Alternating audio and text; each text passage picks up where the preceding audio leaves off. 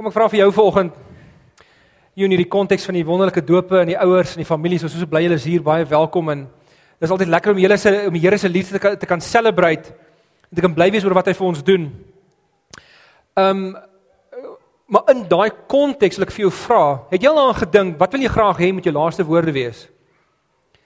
Wat wil jy graag sê op jou sterfbed as jy die die gelukigheid het om uh te kan leef tot dan en bewuslik wel jy gaan leef tot dan, maar ek wil as jy nie op 'n ander manier tot sterwe kom nie. Ehm um, ons het al baie met mekaar gepraat oor interessante goed wat mense sê op hulle sterfbed of interessante goed wat mense interessante laaste woorde van mense. Ehm um, Dallas Willard, die Christen filosoof, uh incredible boeke geskryf oor geestelike vernuwing. As jy ooit een van sy goed in die hande kry, koop dit dadelik. Maak nie saak wat die titel van die boek is nie, koop dit en lees dit. En ehm um, hy het is iemand wat uit geweldige dankbaarheid uitgeleef het en sy heel laaste woord toe hy op sy sterfbed lê in die hospitaal word daar gesê dat ehm um, bid vir die Maartjie net vinnig genoeg is dat die kinders kan vang hoor want hulle het nou lekker reis dis dis lekker. Dis lekker. Ehm uh, is lekker om familie so te kan sien. Ek kry die ma so jammer. Hulle hol hulle, hulle raak fiks nê. Ek wil hulle hol hele wêreld vol op soek na die kinders. Ehm um, sterkte jy ma is. Ehm um, Dallas Willard het op sy sterfbed net, net die volgende gesê. Sy laaste woorde toe sy laaste asem uitblaas, feitelik byna met daai asem sê hy thank you, thank you, thank you. Het 'n totale lewenshouding van van van dankbaarheid. Karel Bart het op sy sterfbed gelê en uh, hulle het vir hom gevra professor Bart, ek bedoel hierdie ou as jy nou sy goed ken, hy het bydraes gemaak aan die opvoedkunde teologie, het hy so 'n dik band dogmatiek geskryf, so hoeveel volumes het so langs mekaar staan. Verskriklike briljante ou vra hulle vir hom, uh wat het jy geleer? Wat kan jy hoe kan jy jou lewe opsom, jou geleerdheid opsom in een sin? To say Jesus loves me, this I know, for the Bible tells me so. Een van my gunstelinge is 'n uh, 'n Bybelkommentator, 'n teoloog met die naam van CK Barrett. En 'n uh, Barrett is um is oorlede in dink 2009 of 10, ek is nie presies seker nie. Nee, ekskuus 2011. En hy uh, was iemand wat sulke briljante kommentaar op die Nuwe Testament veral geskryf het. Ek het baie op sy kommentaar gewerk in Handelinge, twee sulke dik volumes op die boek Handelinge. En wat sy kommentaar so tegnies maak, is hy sal baie keer, hy ken omtrent enige taal. Jy weet, hy ken Frans, hy ken Duits en natuurlik klassieke Grieks en ehm um, jy weet Latyn, al die goedes en hy sal sommer in sy kommentare so 'n Latynse aanhaling maak van twee drie sinne en hy vertaal dit nie vir jou nie. Jy moet self uitfigure wat gaan aan. Of hy maak sommer so 'n stelling in Frans. Hy het nou 'n artikel in Frans gelees. Ek dink hy is cute, jy weet, en dan wil hy net nie vir vertaal nie. En uh 'n regtige briljante, briljante ou. En toe hy in die hospitaal lê die jaar toe hy gesterf het, 26 Augustus 2011. Toe lê hy in die hospitaalkamer, sy hele familie is daar, sy vriende is daar, almal en hy sê vir van hulle, hoorie, roep gou hier buite, roep die susters, die dokters en almal. En hulle kom staan almal hier by hom. Hele kamer is vol, toe sing hy vir hulle Wat 'n vriend het ons in Jesus. Dit is van sy laaste woorde in kort na sy oorlede. Wat is dit met ons en sing? Wat maak dit ons so so singende community is? Wat maak sang so geweldig belangrik? Hoekom raak sang ons so geweldig diep? Nou, daar's 'n snaakse storie wat jy in die Bybel kry. Daar's baie interessante stories en baie weird stories in die Bybel. Hoekom? Want die lewe is weird. In die Bybel verteenwoordig die lewe voor voor, voor die aangesig van die Here. Een van die weirdste stories vir my kry in 2 Kronieke 20. En uh voor ek om vir julle vertel wat daar staan, wil ek vir die vraag vra. Watse advies sal jy vir iemand gee? Wanneer hulle in die moeilikheid is, veral wanneer hulle vreesbevange is. Wat sê jy vir jou kind wanneer hy dink of sy dink daar's 'n daar's iets onder die bed? Wat se advies gee jy hulle? Want in hierdie teksgedeelte gee die Here vir iemand die mees wat oënskynlik lyk as die on, mees onpraktiese advies denkbaar. Josafat is die koning van die suidryk van Juda, of die noordryk wat genoem is Israel, suidryk was Juda. Ehm um, omtrent die 6 5600 voor Christus. En die die Ammoniete en die Moabiete uh, kom in en hulle kom oor die Jordaan eintlik oor die dooi uh, kom oor die Jordaan hulle wil hulle wil Jerusalem binneval en Josafat daar staan in vers 3 van 1 van 2 Kronieke 20 Josafat is bang. Hy's vreesbevange. En hy gaan daarmee na die Here toe en hy sê vir die Here Here wat moet ons doen? Wat sê jy vir iemand wat vreesbevange is? Wat se advies gee hy vir hulle? En die Here gee toe vir hulle die mees onpraktiese raad denkbaar. Hy sê moenie niks worry nie. Jy hoef niks te doen nie. Doen net die volgende. En op die dag, jy weet, hier kom 'n hele army, jy weet, daar daar's die Ammoniete en die Moabiete, hierso staan die ouens en uh Josafat doen 'n weird heeltemal oor geestelike ding. Hy vat sy band, die Lewiete, en hy sit hulle heel voor in die weermag. En hy sê vir moenie waar in die Lewiete beklei nie, sing net. O, ons gaan gaan ons nie, jy weet, pluk jou harp uit. Nie jou swaard nie. Haal jou drom uit. Nie jou spies nie. En hulle sing. En toe hierdie klompie begin sing, toe begin daai ander klomp daai ander kant mekaar sommer doodmaak. En soveel is daar niks oor, jy weet, by ouens is daar niks van hulle oor nie. Hulle 3 dae lank het die Israeliete byt bymekaar gemaak. Nou, in die tyd van die Nuwe Testament het die kerkvaders teruggekyk na hierdie Ou Testament verhale met die geweldige geweld en het hulle begin vergeestelik. Hulle het gesê na Jesus kan ons geweld nooit weer dieselfde sien nie.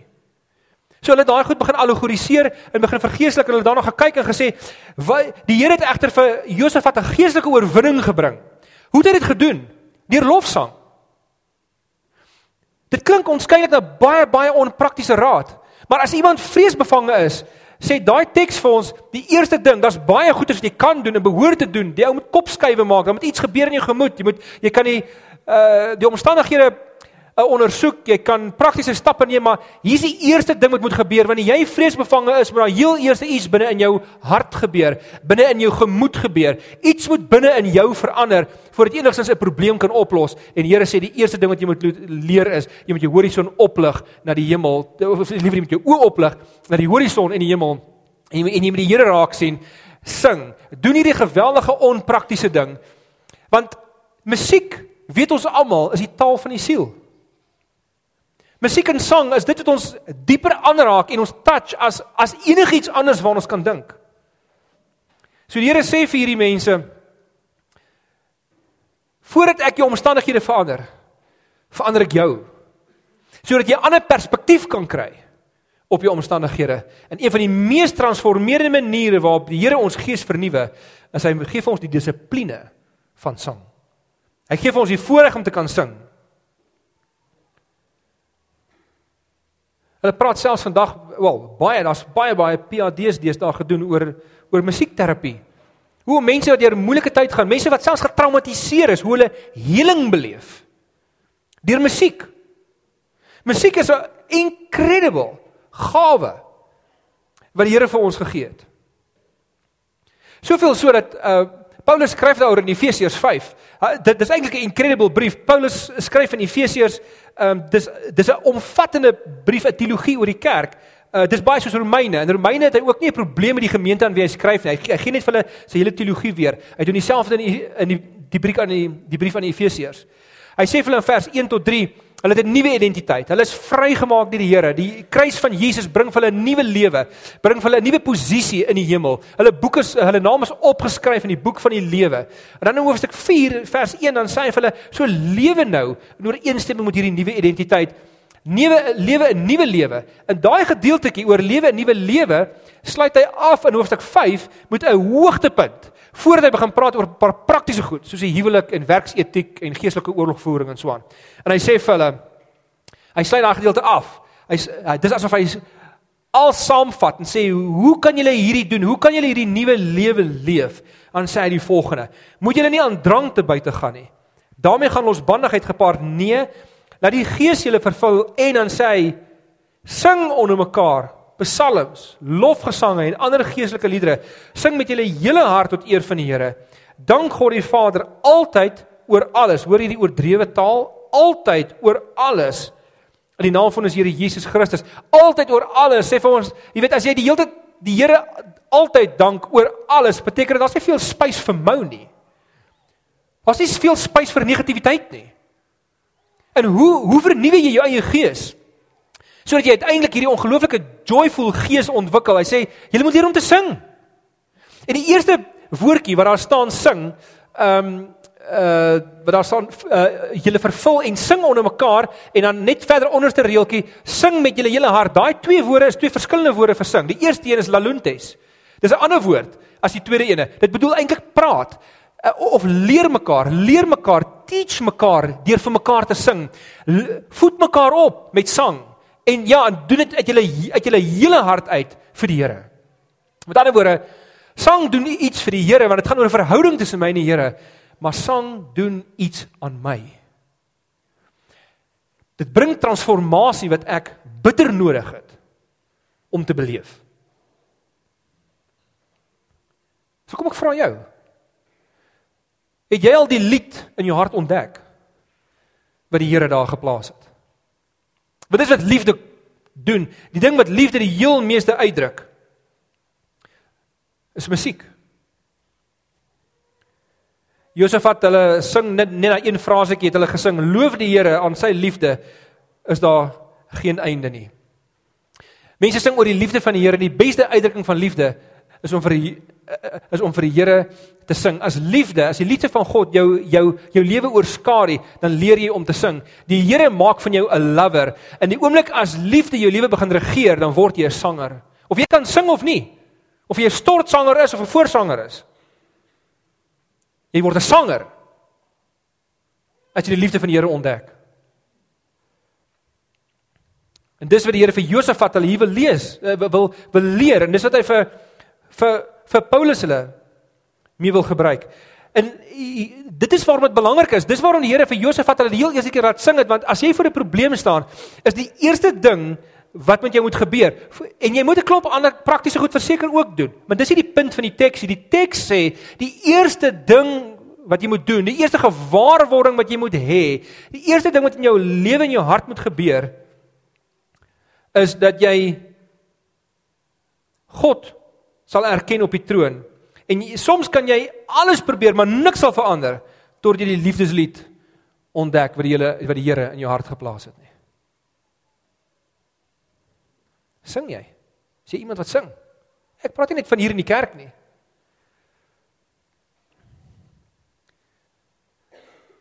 Uh, Atheus het eendag vir my gevra, jy weet, wat is soort God in julle? Dat hy altyd vir mense vra of sê, sing vir my, sê vir my wonderlik ek is. Wie wil so God dien?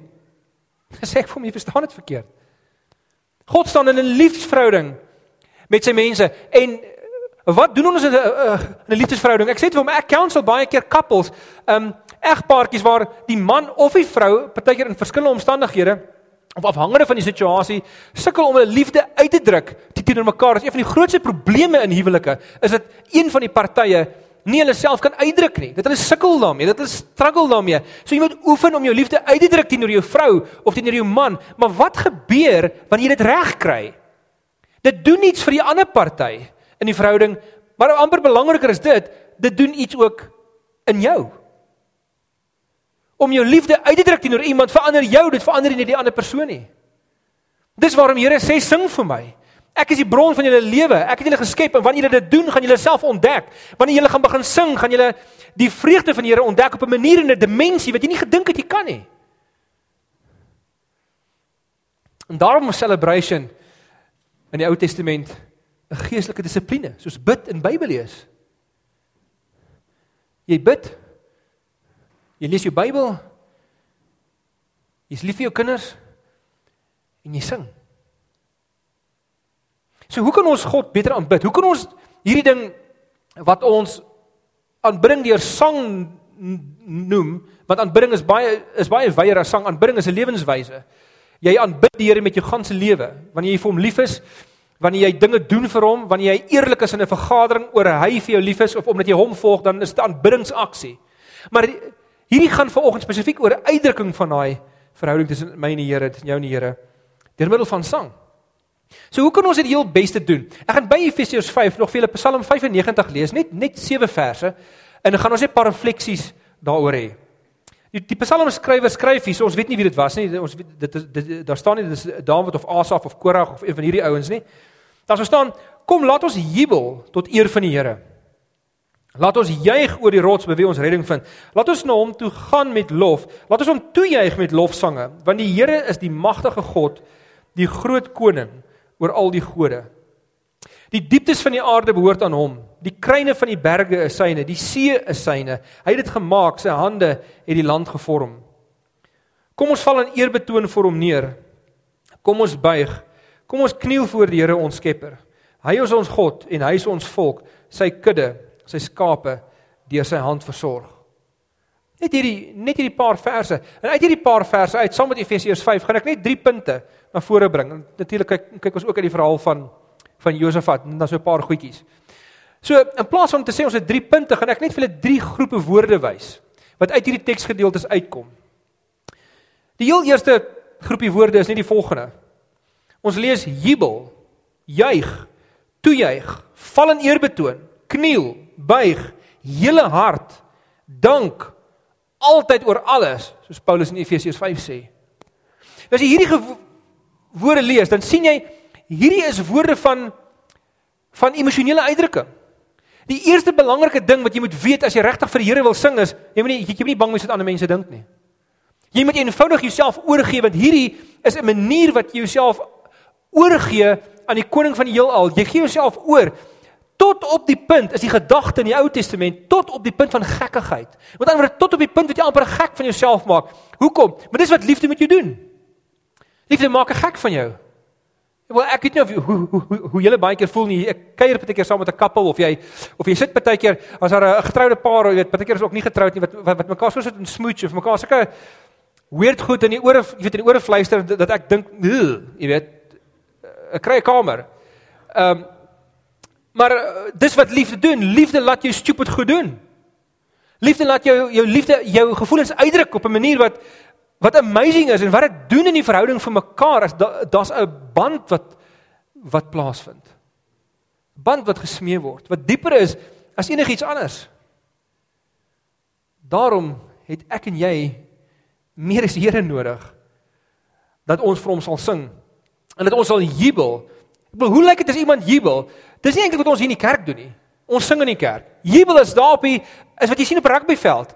Is wanneer jy sien wanneer jy in die gehoor of van die deel is van die gehoor en iemand druk 'n 3. Dis jubel. Jy's buite jouself. En hier is die hier is so belangrik. Daar's 'n tipe van 'n vreugde in jou lewe wees, 'n tipe van 'n vrede wat jy nooit sal beleef nie as jy nie kan leer hoe om te jubel in die Here nie. Hoe om jou hart oop te maak in vir hom te sing nie. Julle ken almal daai song van Andrew Lloyd Webber Love Changes Everything, right? Julle ken hom. Daar's 'n gedeeltjie van die lied wat sê love makes fools of everyone. All the rules are broken. Jo, dit klink vir my so evangelie teenoor wet. Liefde breek die reëls. Want dit doen iets in my hart. My hart ontplof van blydskap. My hart ontplof van liefde, van bewondering. Want dis wat aanbidding is, dis om iemand of iets te bewonder wat meer as jouself is. Dawid se vrou het hom gekritiseer toe hy so sommer kaal voor die ark gedans het. Nou dis nie 'n praktyk wat ek sal voorstel nie. Maar die idee van die teks is, is presies dit dat hy hy hierdie hy wil hy wil naak voor die Here staan soos wat die Here in elk geval weet hy is. Hy wil niks vir die Here wegsteek nie. Hy wil hy wil alles vir hom gee en hy wil hy dans voor die Here. Hy gee nie om, hy's die koning. Daar's geen statigheid in hom nie. Hy probeer nie sy pose hou nie. Hy probeer nie sy kroon op sy kop hou nie. Hy hy hy hy, hy gee homself totaal al oor. Dis wat liefde in jou doen. En dit is as die Bybel hierdie hierdie taal gebruik so sing met jou hele hart. Dan wys dit na buitekant toe. Ons kry verskillende mense, nie almal aanbid die Here op e-, dieselfde manier nie. Net my pa byvoorbeeld is mal oor musiek in 'n kerk. Hy kom altyd saam met my aanddiens toe. Hy's 86. Jy weet, en hy love die musiek. Hy staan my staan so. Maar hy's en, en dit lyk nie of, of of sy lippe beweeg nie. Maar as jy hom so 'n bietjie dop hou, dan sien jy daar loop so 'n traan oor sy gesig. Want hy aanbid Maar as mense dit uitjubel, as jy dit uitskree, ek sê altyd van pa pa pa met pa se sangtalent ontwikkel. Sing met alles wat daar is. En dit is nie uh, mense moet nie begin vergelyk nie, jy weet die ou wat met twee hande in die lug staan, staan nie en kyk en sê o, die ou is nog by een hand, jy weet. Nee, ver, vergeet daarvan.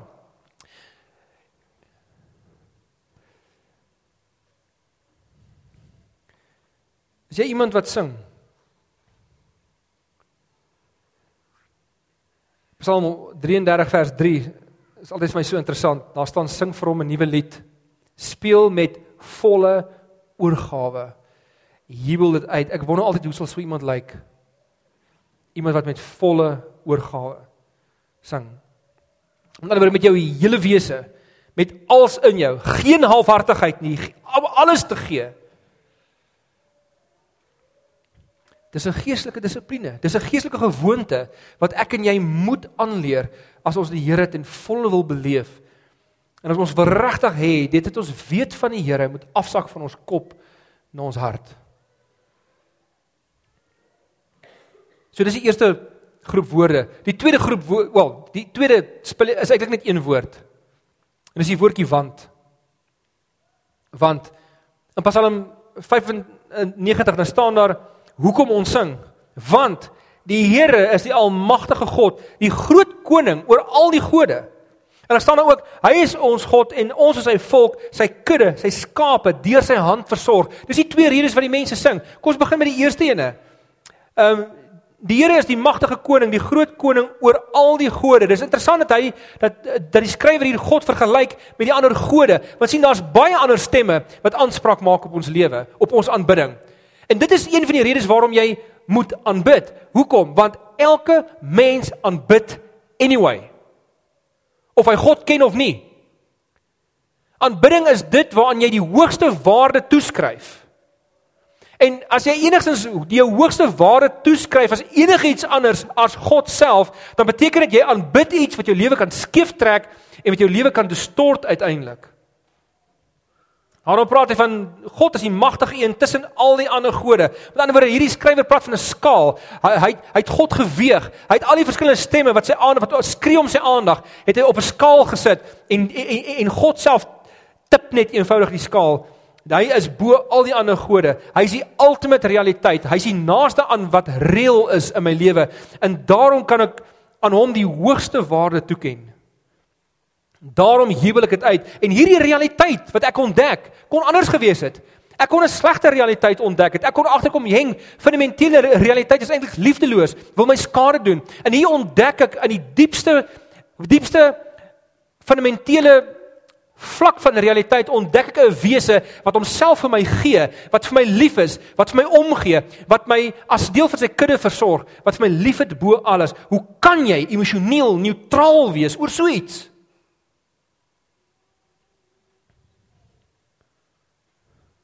Baie skeptiese mense wat nie glo net al van gesê, weet jy, hier klop wat jy sing wat jy sing in die kerk is van die mees onplesierige kerkaktiwiteit. Sê, "Well, get a life." Want hoe kan jy neutraal wees teenoor iets wat jou hele gees vernuwe van binnekant af buitentoe? Sien, die wêreld is opgedeel in twee groepe mense. Nie in mense wat aanbid en mense wat nie aanbid nie. Dis net as in mense wat tydelike goed aanbid wat jou lewe kan skeeftrek of mense wat God aanbid wat die hoogste waarde in die heelal het. In die Harry Potter reeks is daar die uh dis in die boek ook of liewer dis, dis in die boek, dis in die fliek ook is um is daar hierdie spieël, hierdie towerspieël. Hulle hulle noem dit the mirror of Erised. Erised. Dis 'n snaakse woord. Um en wat hierdie spieël doen is uh, hy Harry gaan staan voor die spieël en dan gebeur iets weird. Hy sien nie net homself nie. Hy sien hom en sy ouers wat hom vashou in hierdie beeld. En, en dis baie weird. Dan kyk hy om maar is niemand by hom nie, maar as hy in die spieël kyk, sien hy hierdie hele groep mense wat hom vashou en wat deel van sy familie is. En dan stap hy weg en dan kom sy sy beste pel Ron Weasley en hy kom staan voor die spieël. En as hy voor die spieël staan, lyk like, hy ook heeltemal anders. Hy is ewe skielik 'n sportkampioen. En mense gooi vir hom streamers en blaas vir hom goeters en weet en gee en en klop hom klop hom op sy rug en gee hom erkenning en en hulle kon nie uitfigure wat is die doel van hierdie hierdie spieël nie. Hulle kom toe agter hierdie spieël weerspieël die diepste begeerte van jou hart. In Harry se se geval, hy het sy ouers verloor toe hy baie klein was en sy enigste begeerte is om sy ouers saam met hom te kon hê. Ron het geleef vir mense erkenning en hy uh, sy diepste begeerte was dat mense aan hom erkenning sal gee. En hierdie is die wat so belangrik is hiervan is wanneer jy die diepste begeerte wat jy ooit het sal uiteindelik jou lewe shape. Dat jy uiteindelik jou lewe vorm. As erkenning van ander mense, die hoogste die ding die ding in jou lewe is waaraan jy die hoogste gesag gee, die hoogste erkenning gee, dan sal jy altyd 'n slaaf wees van dit wat mense doen. Wat mense van jou dink. As dit power is, dan sal dit jou lewe shape. Nou die speel van Eris sê, dis natuurlik baie onkreatief eintlik, maar as Eris dit omdraai, dan sê dit desire. Dis die speel van desire en almal sien iets in daai speel. –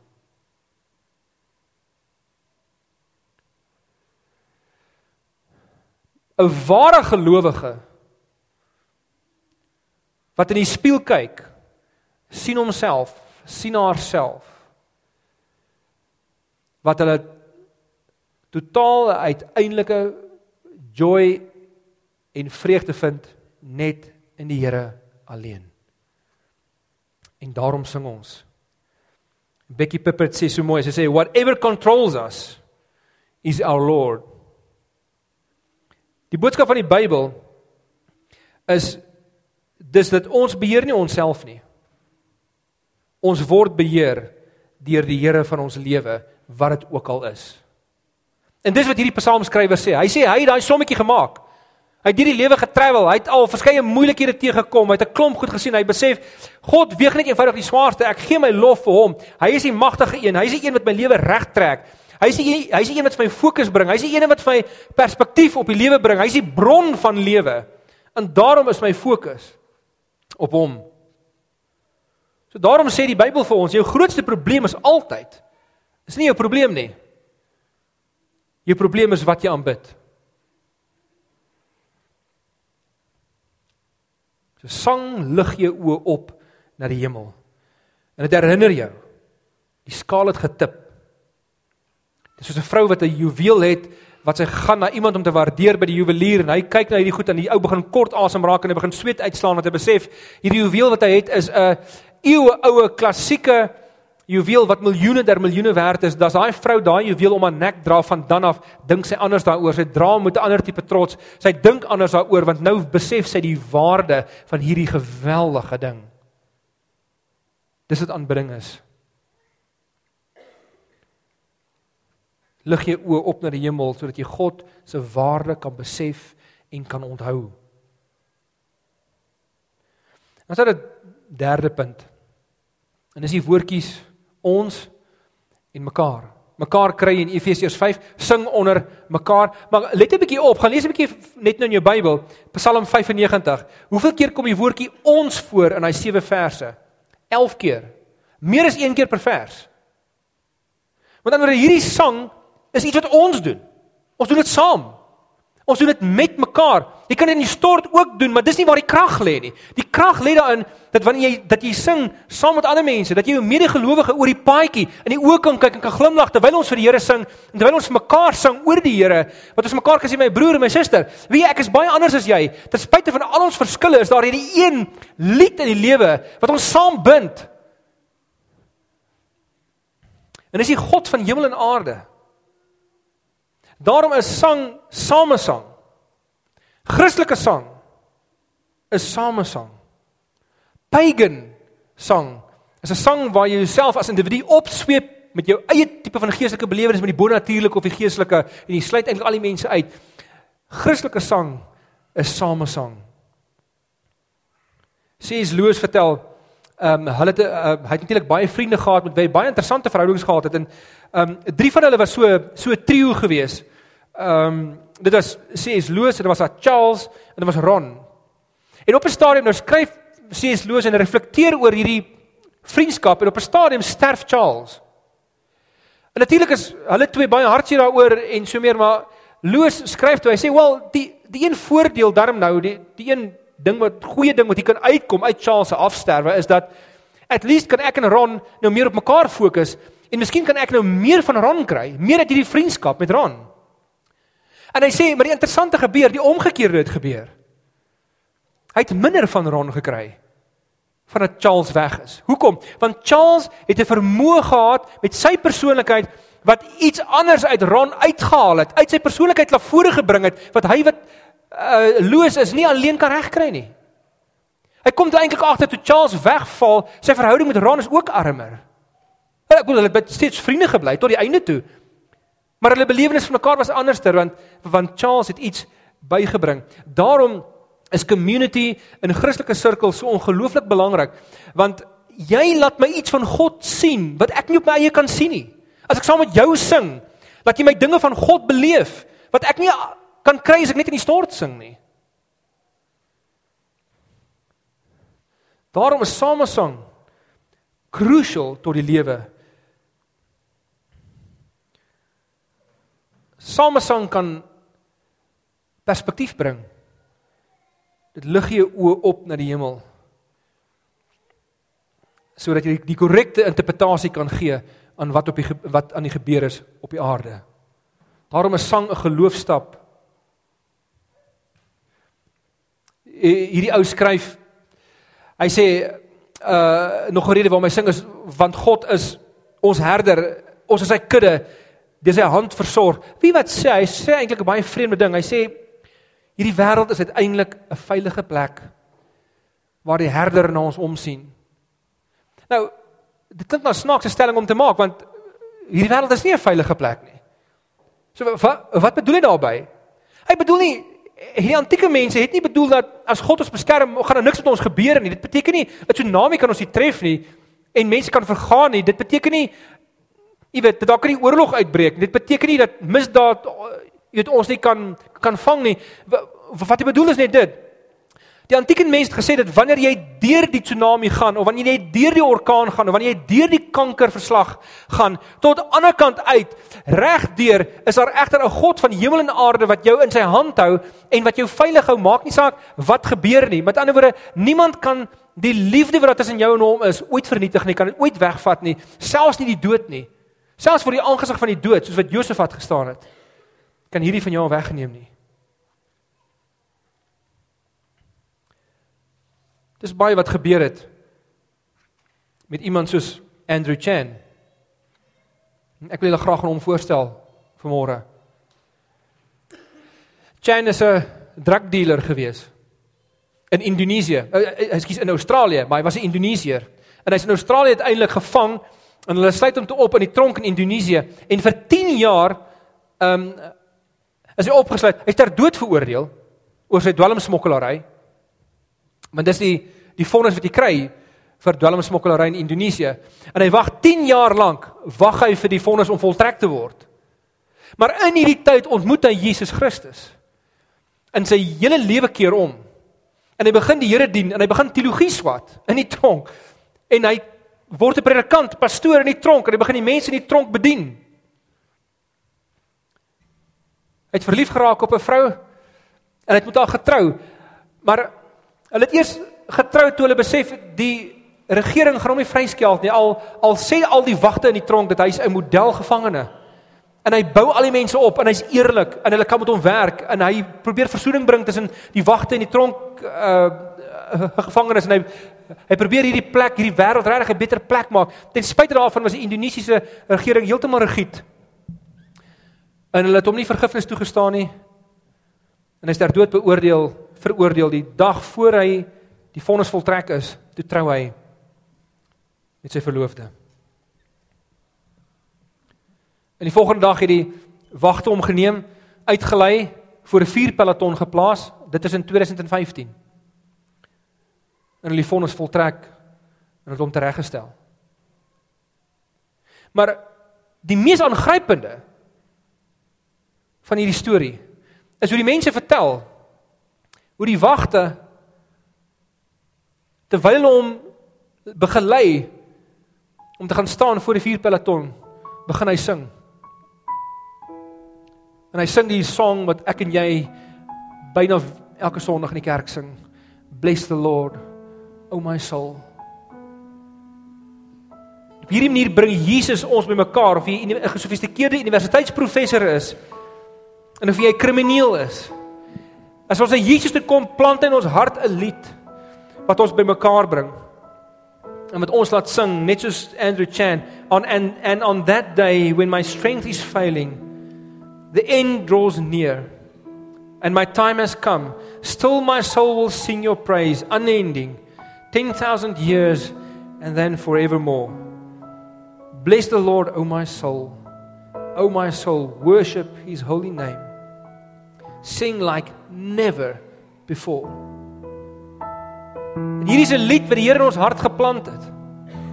Wat selfs die dood nie kan wegneem nie. En wat ons laat sing selfs in die dood se aangesig.